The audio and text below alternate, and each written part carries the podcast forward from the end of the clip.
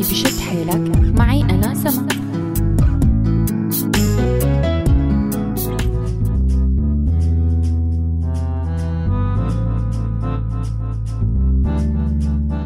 مرحبا. سنة 1806 رسم رسام فرنسي اسمه جان أغوست دومينيك أنجر لوحة فيها نابليون بونابرت على شكل الإله الروماني جوبيتر هذا الشيء مو غريب. كتير من الحكام طلبوا إنهم ينرسموا على شكل آلهة. بس بالنسبة لعلماء النفس هذا الشيء جدير بالدراسة. وعلى اعتبار علماء وخبراء النفس اختبروا نفسيات البشر على اختلاف انتماءاتهم وعقائدهم ومجتمعاتهم ووظائفهم فكان لأصحاب المال والنفوذ والحكم والسلطة حظ منيح من هي الدراسات.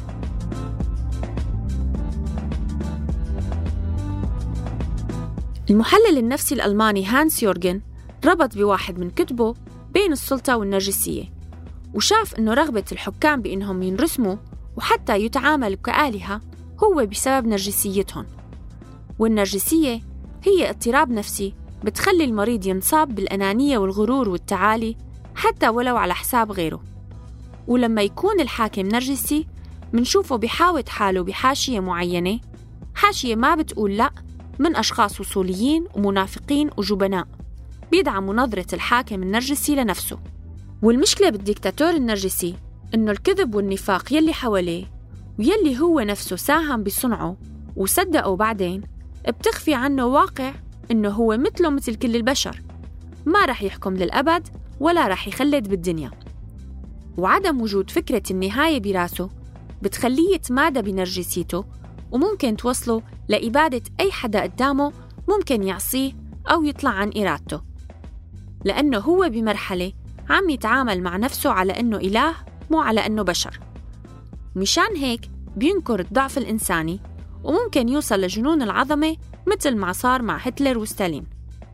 إذا منجي للواقع العربي منشوف بشكل واضح الشخصية النرجسية المرضية من خلال الحكام العرب يلي منشوفهم عم ينتقموا من خصومهم ومعارضيهم بأسوأ الوسائل يلي ما بتمثل الإنسانية بصلة.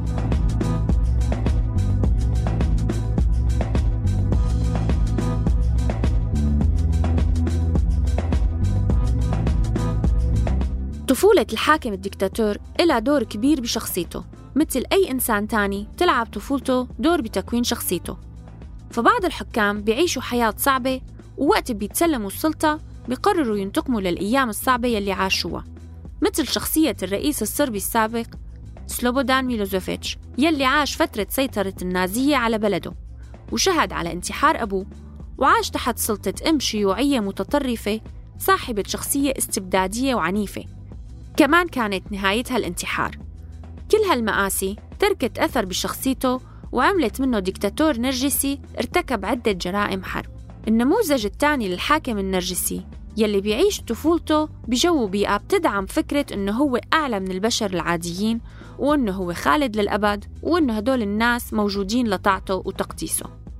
السمة العامة لسلوك الحكام النرجسيين اعتقادهم بأنه العنف والسادية هن الكفيلين بالحفاظ على سلطتهم. باختصار هن شخصيات مرضية بتتطلب حب الآخرين وإعجابهم. وبنفس الوقت خضوعهم وخوفهم وما بتتردد بإبادتهم لما يفكروا يتمردوا أو حتى يطالبوا بحقوقهم. ومثل هي الشخصيات المرضية ما ممكن إلا أنها تأسس نظام استبدادي ديكتاتوري. إذا منطلع حوالينا رح نشوف كتير نماذج لحكام نرجسيين مرضى. وبنفس الوقت منشوف حكام طبيعيين. وأكيد الاضطراب النفسي اللي عند الحاكم النرجسي ما بيبرر له إجرامه أو بيعفيه من المحاسبة والمسؤولية. على أمل إنه يجي يوم ونشوف كل حاكم نرجسي بمنصات الاتهام ليتحاكموا على جرائمهم. وضلوا بخير. دعم نفسي بشد حيلك. معي أنا سما